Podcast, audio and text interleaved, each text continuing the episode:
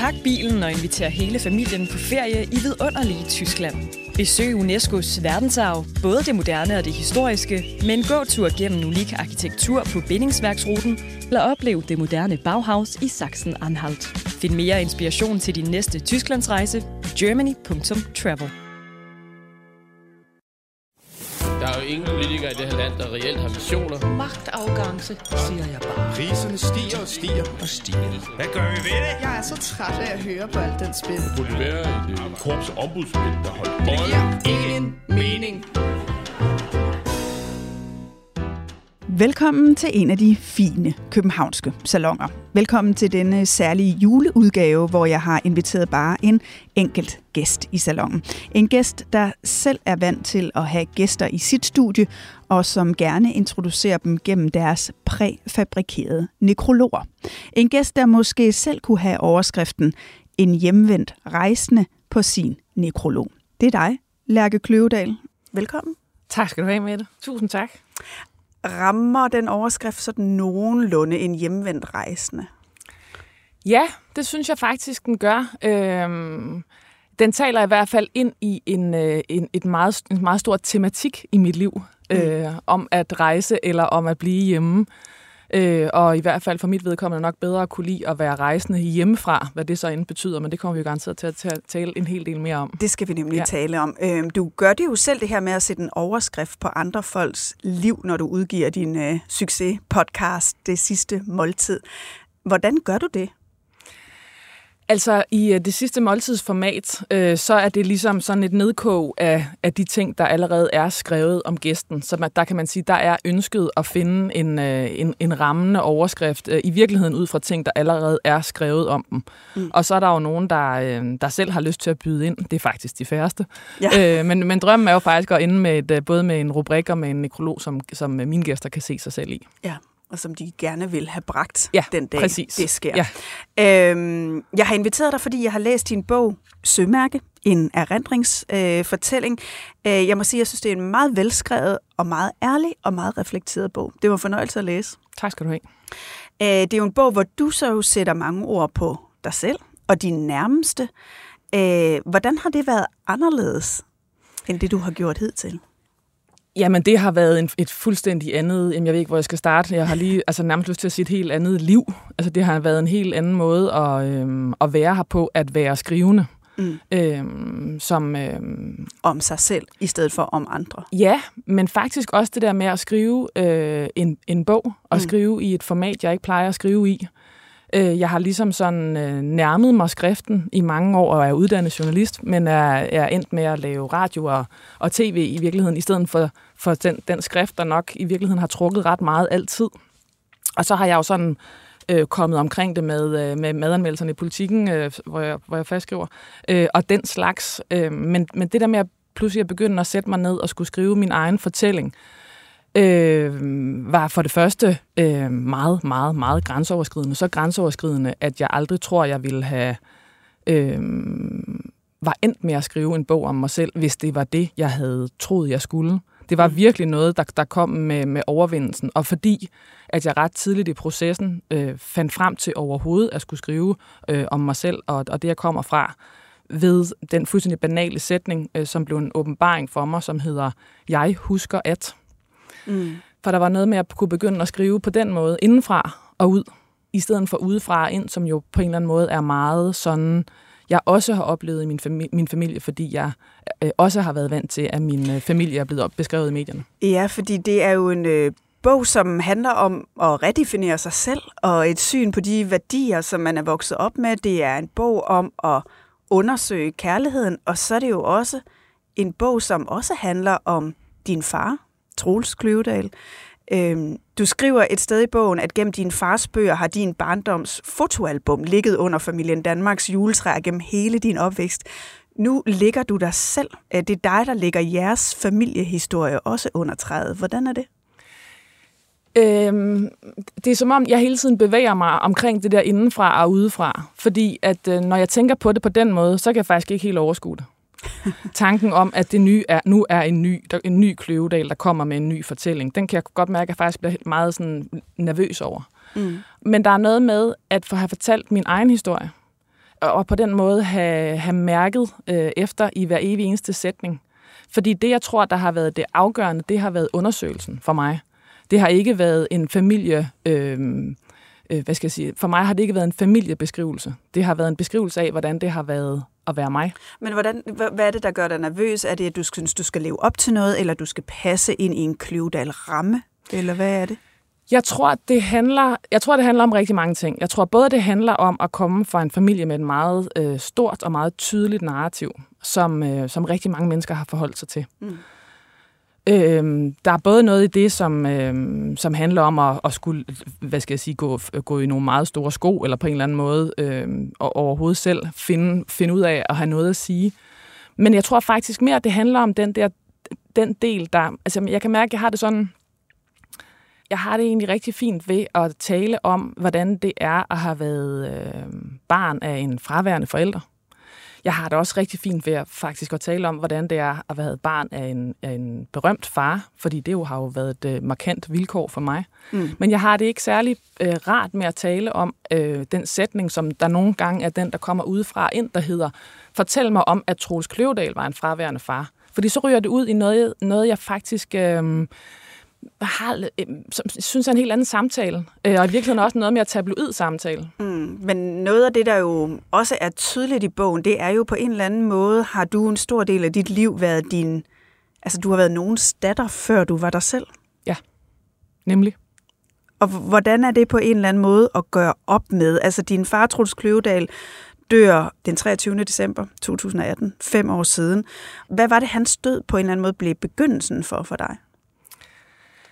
Altså, jeg, jeg tror, at de, de fleste af os, der har mistet en forælder, kan være enige om, at øh, der er noget med de der store træer i skoven øh, falder. Øh, om det så er vores forældre, eller dem, der har repræsenteret vores forældre. Jeg havde selv mistet min stedfar, øh, som har været sådan en hverdagsfar for mig øh, 10 mm. år tidligere. Så det der med at pludselig være dobbelt faderløs øh, inden, inden for en, for en tidsramme, øh, sat... Øh, sat jo helt konkret mit eget liv i perspektiv. Øhm, der er virkelig noget med at være ude omkring flosklerne, øh, om, omkring de her store ting i livet, men sådan må det jo være. Fordi at for det første er der noget med at forholde sig til døden. Pludselig er man selv den næste på, øh, på bænken. Mm. Og så er der også noget med en rengøring, der går i gang. Et oprydningsarbejde. Både helt konkret. For vores vedkommende var der en kæmpe stor gård, der skulle tømmes. Det er meget grænseoverskridende at gå og rydde op i sine forældres øh, efterladenskaber. Mm. Øh, næsten intimiderende. Og så, så, er det også, så var det også... Øh, så kom det også med nogle meget store erkendelser. Det der med at finde gamle breve, øh, der, som min mor og min far havde skrevet til hinanden, mens min mor var gravid med mig. Det der med på en eller anden måde at sådan få et blik ind i hele den del af mit liv, som jeg i virkeligheden ikke har kendt til, fordi det, det handlede i første omgang om mine forældre. Mm. Det, øh, det startede i hvert fald en stor øh, mental oprydning hos mig. Men vi får jo et indblik i dig, som måske er lidt anderledes end mange sådan umiddelbart har troet. De har troet, om Lærke Kløvedal er en Kløvedal, er hun vokset op nærmest på, på øh, Nordkaberen og de syv verdenshave, men det gjorde du jo langt fra. Altså, hvordan har det været at skulle leve med den forestilling for andre, og jo nærmest sådan punktere deres forhåbning om eventyr, når de fandt ud af, at du var ikke vokset op på Nordkaberen, du voksede op i Thy? Ja, jeg er vokset op i Thy øh, primært alene med min mor, og i virkeligheden i et, øh, i et relativt øh, provincielt liv, på godt og ondt, hvad det nu er med at gå til håndbold og, og sådan halv liv og gågader og, og altså den slags. Og jeg tror da nok, at øh, det jeg også fandt ud af, mens jeg skrev, som jo var måske en lidt sen erkendelse i livet, det er, at min fortælling også er en, øh, en skilsmissefortælling. Mm. Og mit vilkår, det var jo, at øh, ja, min far og mor var skilt, og jeg boede hos min mor. Og der var noget i det, der blev særligt sårbart, fordi min far var berømt. Fordi at, øh, at jeg jo mærkede, at omverdenen havde en interesse i ham, som, som du siger, nogle gange kom før interessen i, i mig. Mm. Øhm, og at jeg ikke altid kunne svare på den interesse. Øh, der var en, øh, og jeg vil skynde mig at sige, at det har været i allerbedste mening, men, men, øh, men klassekammeraters forældre, der, der spurgte til ham øh, nysgerrigt. Og min oplevelse af at faktisk ikke rigtig kunne svare dem, på den måde ikke rigtig sådan, man, man kender jo godt fornemmelsen rundt, og man ved jo godt, hvad der ligesom er farbart, når man kommer der som barn i nye hjem, og man kan jo godt mærke, hvad der ligesom er, er en, en, en, en, hvad valutaen er. Og, og faktisk, mens jeg skrev, også finde ud af, at den sådan skamfuldhed, jeg egentlig øh, havde oplevet som barn, Øh, først og fremmest ved ikke at kunne svare øh, på, på det, de voksne gerne vil høre, men, at den, men det jo i virkeligheden handlede om en skamfuldhed over, at han jo øh, ikke var, hvor jeg var, men var ude i verden. Mm. Det er også en bog, synes jeg, som øh, bliver en undersøgelse af kærligheden. Og jeg vil spørge dig faktisk, om du vil læse et lille stykke op fra din bog. Det er mod slutningen af bogen, og for mig så er det sådan essensen af, hvad den her bog handler om. Men nu må vi se, om, øh, om du er enig. Den lyder sådan her. Jeg troede, jeg skulle skrive en bog om at tage afsked med min far. Om at forstå min far. Men mens jeg skrev, opdagede jeg, at min bog lige så meget er en undersøgelse af kærlighed. Den vi får, og den vi giver. Den kærlighed, der sjældent kommer i de rigtige doser fra de rigtige mennesker på de rigtige tidspunkter, og kun pletvist i en form, vi kan genkende og forstå. Hvis rækkefølge, størrelse og anatomi vi bruger hele livet på at dosere, acceptere, suge ind og spytte ud, for endelig, forhåbentlig selv, at kunne modtage den og give den videre på en meningsfuld måde. Jeg synes jo, det er meget fint, for jeg tror, der er mange, der kan relatere sig til, at det der med kærligheden, det er ikke altid, den lige rammer rigtigt på de rigtige tidspunkter i de rigtige doser. Hvad ligger der mellem de her linjer for dig? Øhm, som, øh, som overskriften måske også er på øh, lige præcis på den her øh, øh, sekvens, jeg har læst op, så er det undersøgelsen. Altså der har noget været for mig at finde ud af, hvem er jeg, når jeg kommer fra den familie, jeg kommer fra. Jeg er vokset op med ni halv- og stedsøskende jeg har boet i mange forskellige øh, familieformer. Jeg har, øh, som nævnt før, været et provinsbarn, men haft et, sådan hele tiden et udsyn eller en, en, en eller anden form for længsel omkring noget, der vendte ud af, som enten var imod en horisontlinje eller mod byen, eller noget, der i hvert fald ikke var der, hvor jeg var. Og det der med at, øh, at prøve at sammenstykke det familieliv og den, øh, hvad skal jeg sige, kærligheds, du ved, altså der er et eller andet med, man, man, som du siger, man har brug for en eller anden kausalitet i forhold til kærlighed, eller en eller anden logik, at, mm. at den skal helst komme i en form, vi kender den. Og hvad så, hvis den ikke gør det? Øh, hvad betyder det? Øh, ændrer det noget? Øhm, gør det ondt? Det gør det helt sikkert. Men er det, er det måske egentlig godt nok, fordi, fordi kærligheden var der, bare ikke i den form, øh, som, som rummede en almindelig kernefamilie for mit vedkommende. Mm. Du har jo øh. sagt, men nu siger du, at du har ni halv- og stedsøskende, men du har egentlig følt dig som ene barn. Ja, det er også en af bogens pointer. Øh, og jeg tror i det hele taget, at det har været det der at, at blive ved med at undersøge og mærke efter, hvordan har det føltes, at det så sådan ud, øh, men faktisk øh, var helt anderledes inde i mig. Den forvirring, altså det, det har jo givet mig en hel del uro mm. gennem øh, min opvækst og, og, og i min selvforståelse, og og øh, en fornemmelse af nogle idealer, øh, som var meget øh, tydelige, men som jeg havde ret svært ved at leve op til. Og hvorfor havde jeg det? Altså den store, glade, sammenbragte familie. Ja, og i det hele taget nogle, øh, nogle meget stærke værdier. Øh, min mor og far var meget, eller min mor lever heldigvis stadigvæk, men var meget, var meget forskellige, men, men havde, i virkeligheden nogle ret øh, ens værdisæt, som blandt andet handlede om, øh, det handlede om forelskelse, mm. det handlede om eventyr, og så handlede det om lykke. Og det, og det er jo tre helt fantastiske værdier. Hvem vil ikke gerne være eventyrlysten, forelsket eller mest af alt lykkelig? Øhm, det, det er nogle idealer, det er svært at sige noget imod. Mm, og det jeg måske oplevede, da jeg selv blev voksen eller stor teenager, eller selv skulle til at og sådan, øh, finde ud af mit eget liv, det var, jeg, at, øh, at min virkelighed lignede ikke deres idealer. Eller min virkelighed lignede ikke den virkelighed, som jeg måske har troet var deres. Og hvordan skulle jeg så selv, øh, hvor skulle jeg selv starte med at lede? Hvor skulle mit oprør være? Hvor skulle mit, hvordan, skulle, hvordan skal man kunne slå, slå på noget, eller råbe mod noget, som er så inkluderende og fællesskabsorienteret, og med så vidunderlige og smukke idealer? Mm. Du, du beskriver jo netop forelskelsen som det, der styrer alt, som i virkeligheden bliver argumentet for at opføre sig nogle gange uhensigtsmæssigt over for andre. Altså, hvordan oplevede du det der med, at, at forelskelsen ligesom gik forud for alt?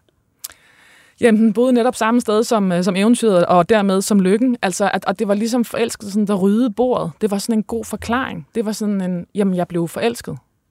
Prik, prik, prik. Var mm. på en eller anden måde argumentet for, øh, altså for i virkeligheden relativt mange svigt. Øh, ikke, altså også når jeg ligesom kigger mig omkring i, i, i, i, i de miljøer, jeg var i, at, øh, at det måtte man ligesom gerne, fordi så var man styret af noget, der var større end en selv.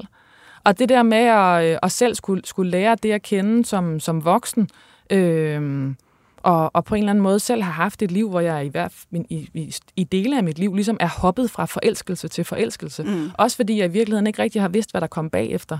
Øh, og, og, og det, jeg har troet kom bagefter, har jeg helt sikkert forbundet med noget, der var øh, øh, mindre værd.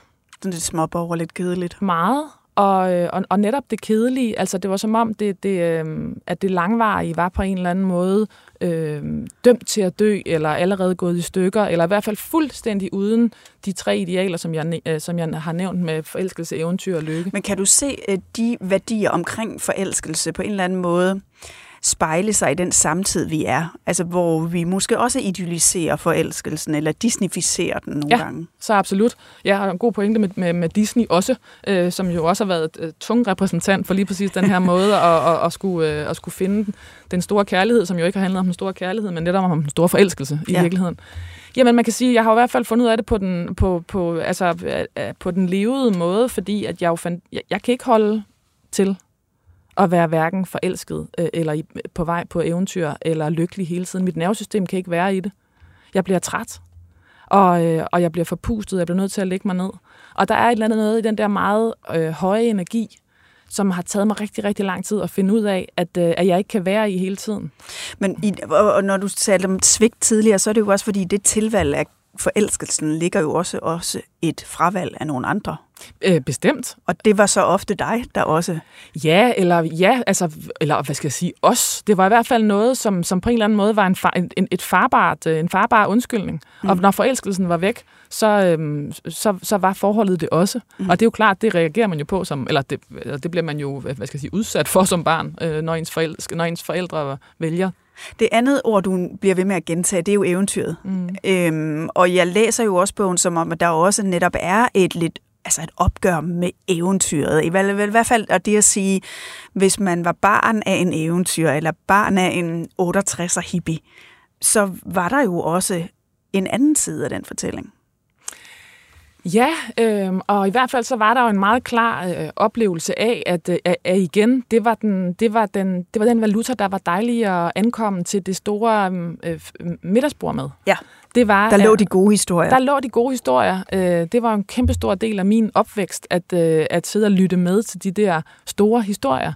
Øh, og, og også i det øh, få travlt med selv at begynde at, at lave nogle af dem, fordi øh, det, det vil man jo gerne. Og det der med at ønske, at alt skal være det eventyr, alt skal være poetisk. Du skriver i bogen, at din far sagde, at alle mine morgener skal være poetiske. Hvorfor havde du det? Jamen, øh, jeg ved heller ikke, om jeg på den måde havde det. Jeg tror bare, at reality-checket har været lidt hissigt. Altså fordi, at, at, at, at der er jo en åbenlys ansvarsforflygtelse i, i den sætning. Øh, I hvert fald, hvis man, øh, hvis man er et menneske, der også har nogle, nogle børn, der skal ud af døren og noget med nogle flyverdragter og, øh, og, og noget i virkeligheden virkelighed. Mm. Og igen, det, det er lidt ligesom de tre øh, idealer, jeg taler om med, med eventyr, forelskelse og, og lykke. Hvem kan, være, hvem kan være vred på, på ønsket om upoetiske morgener? det vil vi vel på en eller anden måde alle sammen gerne have. Men det har jo været, det har været, det har været en undersøgelse af, øh, er det virkelig, kan man godt bare, altså du ved, at, altså for ansvarsforflygtelsen, og så selvfølgelig det store spørgsmål, hvem tog sig så er det? Mm. Af os? Af, af, af hverdagen, af virkeligheden? Fordi det var der selvfølgelig nogen, der, der gjorde. Men der er, der er jo også noget i vores nogen, tid, hvor rigtig mange drømmer om at hoppe ud af det der hamsterhjul, mm. eller den hverdag, og netop opsøge måske drømmene, eller eventyret. Jeg har taget et enkelt klip med ja. fra din far, ja. øh, hvor han taler om det vigtige i at drømme det fattigste menneske på jorden, det er det, der ikke har nogen forestillinger om sit eget liv. Og derfor skal man drømme. Og ved at man har ligesom opbygget sine drømmebilleder af, hvordan man vil have sin tilværelse til at se ud. Når man så står og vælger, ikke, så falder det automatisk ud til den side, der ligesom handler om, at sådan vil man godt have sit liv til at se ud. Ikke? Hvorimod, hvis man ikke har nogen drømme og sådan noget, så falder man for det første det billigste plattenslageri alle steder, ikke? og andre mennesker kommer i virkeligheden til at at beherske ens drømmeverden, og det er ens egen. Hvordan er det at høre den her definition? Først og fremmest så er, det, så er det meget fint at høre hans stemme. Det er jo lang tid siden, at, øh, jeg har gjort det sidst. Øhm, og, øhm, og det taler jo ind i... Øhm, altså, hvad skal jeg sige? Det, altså, det, det, igen, det er svært at blive sur på. Fordi, at, fordi hvem, hvem, hvem kan være sur på en, der har, der har drømme? Jeg tror bare, at det... Øh, nu skal jeg lige være helt sikker på, hvad du spørger om, fordi spørger du om, om jeg ikke også synes, at folk skal have drømme, eller... Nej, jeg spørger mere, fordi jeg jo også fornemmer, når du siger, at drømmene der var jo rejsen, det var ja. eventyret, det var det at tage ud. Og det, du selv beskriver i din bog, er jo næsten, og det at få lov til at blive accepteret for, at du ikke har haft den samme udlængsel og ikke har haft det samme behov for eventyret. Og, og de drømme, han definerer her, der, det, det sætter også en ramme for, hvad værdierne var i jeres familie, men det var jo faktisk ikke dem, du endte med at føle dig hjemme i. Nej, og jeg tror i hvert fald, man kan sige, at den type drømme, som min far som en af de første kom til at repræsentere, øh, var jo, endte jo i virkeligheden med at være en lige så øh, stor øh, stereotyp som alle mulige øh, andre ting i, øh, i, i verden. Og, og lige præcis det der med at sejle ud, blev, blev, var, der jo, var der jo rigtig mange, der... Øh, der på en eller anden måde blev inspireret af. Mm. Og, og hurra for det. Altså, det, kan, det mener jeg jo af hele mit hjerte. Men det, jeg tror, der har været vigtigt for mig, øh, det var jo øh, retten til at blive hjemme. Mm. Og på en eller anden måde at, få, at finde ud af, hvorfor, hvad handlede det om, og hvorfor var det vigtigt for mig. Hvorfor vil jeg hellere være derhjemme, end jeg vil være øh, om på den anden side af jorden. Øh, og, du var jo ude at rejse med Nordkaber et par gange. Hvordan var det? Jamen, det var som, øh, som tingene nu er, når man er med sin far på arbejde.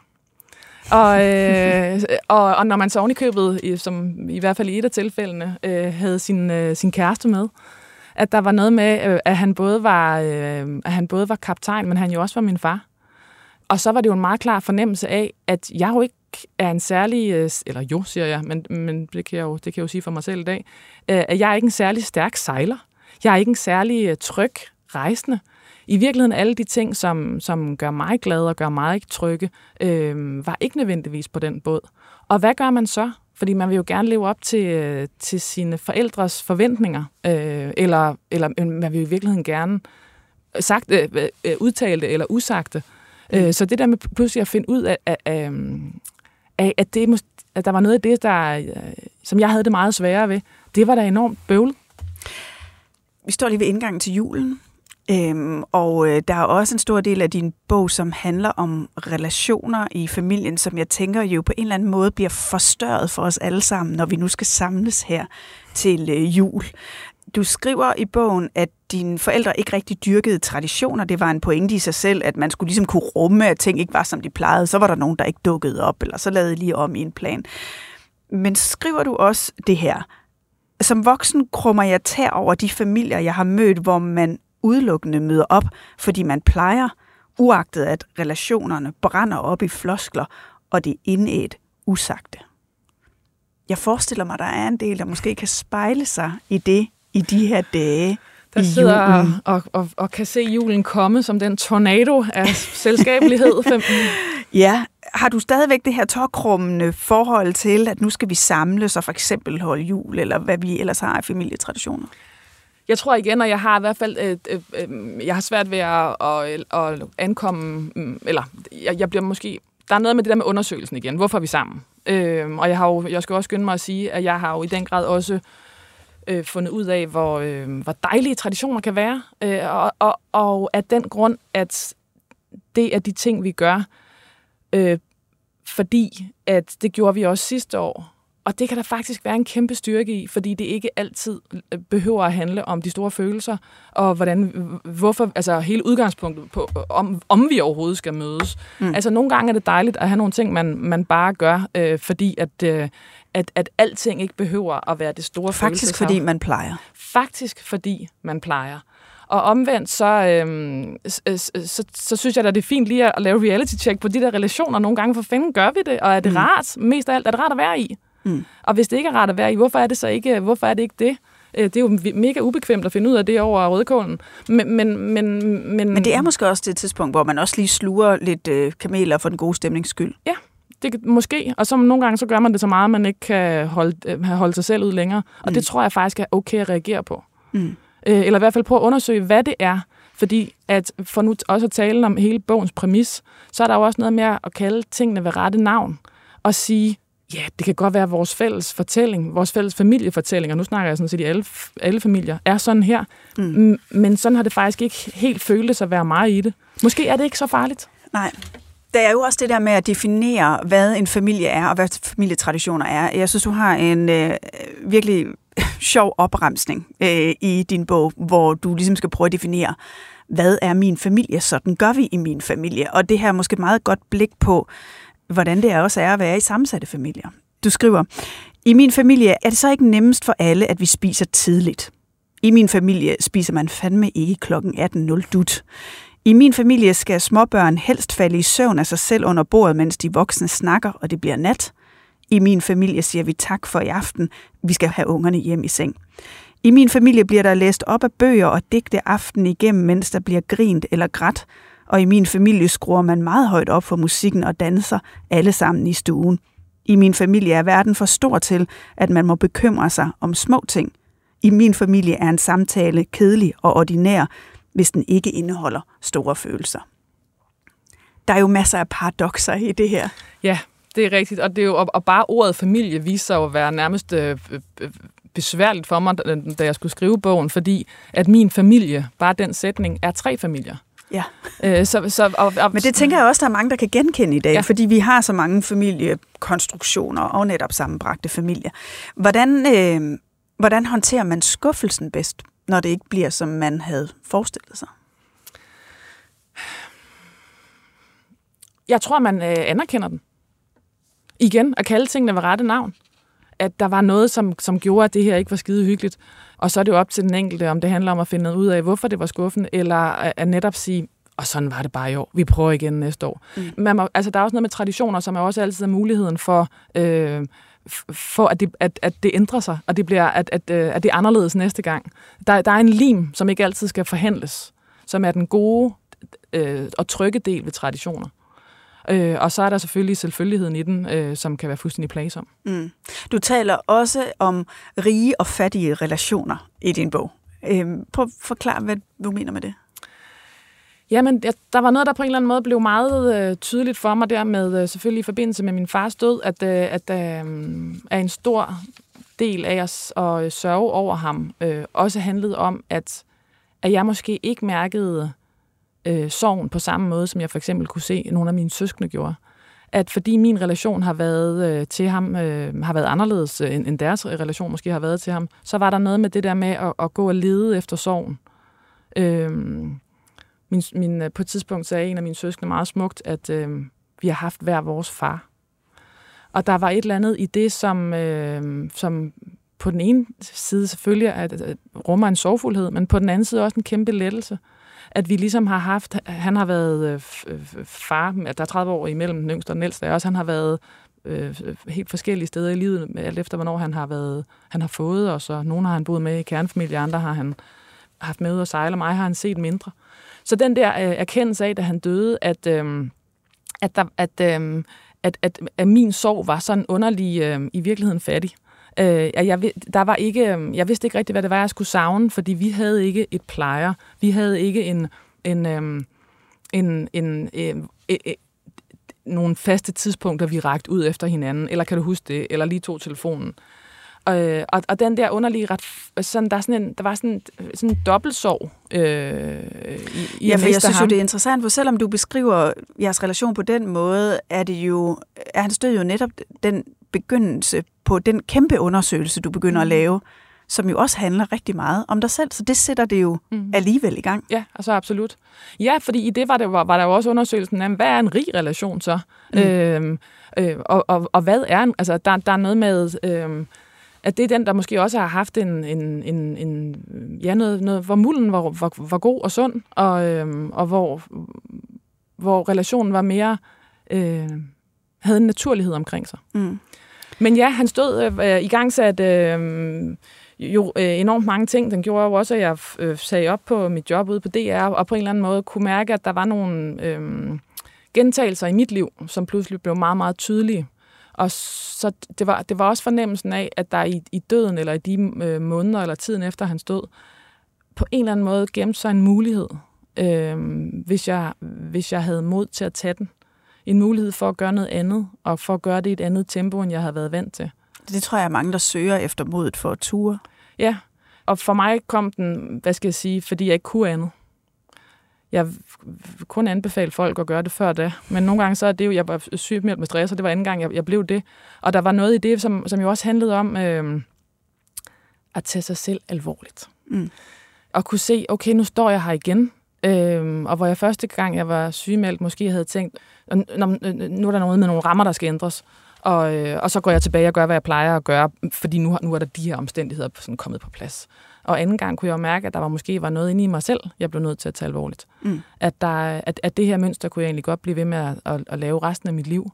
Og så er det jo, at, at miste er jo også øh, muligheden for at, og, øh, at, lave, at lave det store øh, arbejde omkring en selv. Hvem, hvem vil du gerne være? Øh, hvad kommer du fra? Øh, hvorfor reagerer du, som du gør?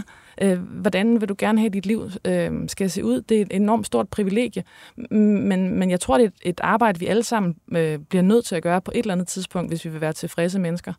Det synes jeg jo for mig er drømmen, tilbage til min fars drøm. Det er at, at leve et liv, øh, vi har lyst til at være i. Pak bilen og inviter hele familien på ferie i vidunderlige Tyskland.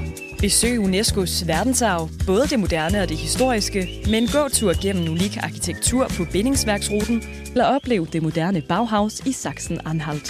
Find mere inspiration til din næste Tysklandsrejse på germany.travel. Nu har vi talt en del om Troels Kløvedal, din far. Øh, men der er jo også en anden farfigur, som fylder meget i dit liv. Du nævnte ham tidligere øh, i vores samtale, Ole, din sted Min stedfar, ja, ja. som jo desværre også er død i dag. Men som jeg læser det, så introducerer han jo dig til det, der jo bliver en værdi i dit liv, nemlig sådan magien i maden. Øh, der er en rigtig fin scene, du beskriver, hvor I er nede på havnen og købe krabbeklør øh, og fiskfiléer, tror jeg, rødspætter, og I går hjem, og han lærer dig at røre en mayonnaise. Og det er okay, at det går galt, fordi så prøver jeg ikke bare igen. Mm. Og du skriver, at du har aldrig smagt noget, der smagte så godt. Hvad var det for en verden, han åbnede for dig? Jamen, det var jo faktisk en ret sanselig øh, verden. Altså, det var, og så var det jo en verden, hvor der var tid. Øh, og, og som du siger, øh, også en tid til, at, at mayonnaisen kunne skille. Øh, og vi bare gør det igen. Øh, der var sådan... Øh, der, der, han var en meget tydelig voksen i virkeligheden, min stedfar, og med en, øh, med, med, med, med, som i virkeligheden meget gjorde sine egne ting, men hvor man godt måtte være med. Mm. Øh, og så var der noget med det der, øh, altså hvad skal jeg sige, han var også et, øh, et meget, både meget spisende og, og, mennesker, og, og et mennesker, der godt gik meget i naturen og sådan noget. Så der var, der var jo noget, også noget sanselighed, der blev åbnet for mig i det. Øh, og, og oplevelsen af at sætte sig ned og spise sammen, øh, et måltid mad, man selv havde været øh, enten ude i skoven og samle, eller, eller som du siger, nede ved vandet og hente. Øh, men mest af alt, så tror jeg faktisk, der var øh, roen til at, øh, at fejle øh, og til at smage. Mm. Og så var han også et meget begejstret menneske. Øh, og sådan noget smitter jo. Ja. Altså når man kan mærke en, anden, en andens begejstring over, over maden, eller over, altså der er jo noget i det, som... Øh, som, man, som også er en livsglæde. Som måske Absolut. ikke er eventyret, men som er en anden livsglæde. I den grad, ja. ja. Når, øh, da jeg læste det, så tænkte jeg, at det program, du laver i dag, det sidste måltid, i, lidt kunne være en hyldest til dine to fædre. Altså Ole, som gik op i maden, og Troels, som blev glad for at læse det interview, der blev skrevet med ham øh, og om ham, inden han døde, som, som jo nærmest en nekrolog, han selv kunne nå at, øh, at læse. Men pointen er jo, at det her program for alvor er blevet dit eget. Det, det, er, det må man sige, ja. Og, øh, og du har lige vundet for årets radioprogram. Tillykke ja, med det. tak. Hvad giver det dig at lave det? Øh, jeg synes jo, det er den dejligste måde at øh, tale sammen på. Øh, derover med. Der er noget med... Øh, altså helt øh, sådan, hvad skal jeg sige, øh, øh, øh konkret, og, og med far for at lyde en lille smule øh, svulstig, så er der jo simpelthen noget med, at vi, øh, vi åbner os. Vi åbner munden. Vi, vi, vi, vi tør at dele et måltid sammen. Det er jo ikke, øh, det ved de fleste, det er jo ikke, fordi det, det er jo, man, man er jo ikke sådan sit smukkeste, i sit smukkeste øjeblik, når man sidder der med øh, og, og øh, tykker og tør sig munden, hvad man gør. Øh, men mest af alt, så er der jo også noget igen med tiden. Det, du kan ikke spise et måltid hurtigt, eller det kan du godt, men, men, men, men du får ret meget mere ud af det, hvis du spiser det øh, i, i, i, i den ro og mag, som maden egentlig skal have, hvis du, hvis du smager på det undervejs, hvis du taler sammen undervejs. Og der var et eller andet i det, der, øh, som, jeg, som jeg tænkte var, et, var, et, øh, var sådan et, en afmonterende måde at, at interviewe på. Mm. Øh, der er også noget overraskende øh, blottende ved at vælge sin menu. Øh, jeg Man skal tror, vælge sit sidste måltid, sine sidste tre retter. Ja, mm. og, øhm, og det har vist sig at give mange store hovedbrud. øh, det, det havde jeg faktisk ikke tænkt over på den måde ville være, men, men pludselig bliver det jo lidt sådan et vis med dit køleskab. Øh, hvem, hvem er du, og, og, og hvem vil du gerne være, og hvem er du i virkeligheden? Så, så der er mange tanker omkring, øh, hvad der skal vælges, før de bliver valgt. Og så er der selvfølgelig øh, den del, der handler om nekrologen, at der jo også er noget med øh, i mit program, altså som er noget med eftermælet. Hvem, hvordan bliver vi husket? Hvordan, øh, hvordan bliver vi set udefra? Fordi det er jo også et program, der lidt ligesom, hvis jeg nu må være så fri, også jeg jo godt kan genkende i mit eget liv, øh, at nekrologen er skrevet ud fra ting, der er skrevet om dig, ud fra en offentlighed, der har kigget på dig øh, med nogle særlige øjne. Hvordan var det at være dig inde i de ord, og, og, og stemmer de overens med, hvordan du selv har syntes, du var? Om man så deltager i dit program, eller man skriver en bog, som du har gjort, så er det jo i hvert fald en anledning til selv at give sin egen stemme liv ind i den nekrolog. Øhm, vi skal til at øh, runde den her julesalon af. Øh, det har været en fornøjelse at tale om kærlighed og relationer, og det at vende hjem. Det tror jeg jo er ret store ingredienser for mange her i julen. Øh, vi slutter ikke med en julesang. Vi slutter med en sang fra Minds of 99, fordi gennem bogen, så er det tydeligt, at det er faktisk en del af din bearbejdelse. Ja. Om at finde dig selv. Ja. Efter din fars død, at du hører rigtig meget Minds of 99. Ja, de blev sådan mit følgeskab ja. i, i sorgen i virkeligheden, og i forløsning og i lettelsen. Øh, og der er en sang, som hedder Sikke en sang, som betyder meget for dig. Du skriver i bogen, at du hører den til en koncert som det sidste ekstra nummer, og så skriver du, jeg giver efter og punkterer og svømmer over i alt det bløde, og det føles rart. Noget nyt trækker vejret, da vi går hjem til vores nye liv, hjem til vores nye gade, hvor lindetræerne nu er sprunget helt ud og indhylder gaden i håbet om den sommer, der utvivlsomt er på vej. Hvorfor ramte den sang dig? der er noget i hele Minds of 99, sådan lydunivers, som, som er, er ret, øh, både, nogle af numrene er næsten sådan hårde, og sådan, har næsten sådan afstumpethed. Og der var noget i det, som, øh, som jeg kunne være i, øh, da min far døde, og da jeg vandrede København rundt øh, i den der mærkelige dobbeltsov eller ikke-sov.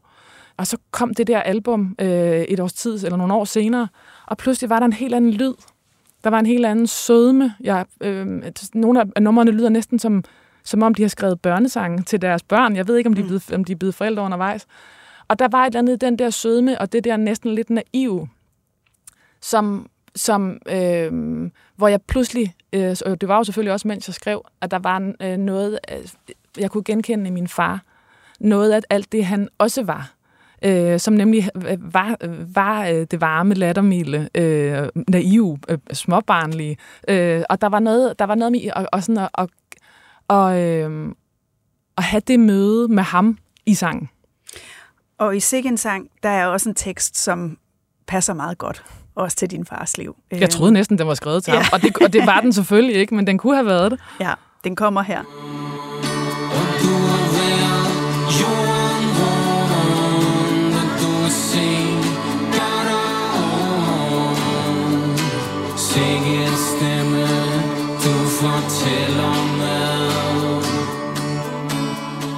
Tak for øh, besøget, Lærke Kløvedal, og god jul. Glædelig jul.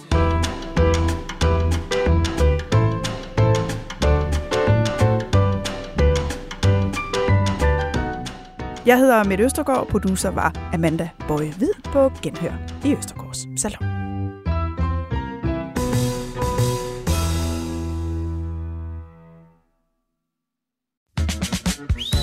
Pak bilen og inviter hele familien på ferie i vidunderlige Tyskland.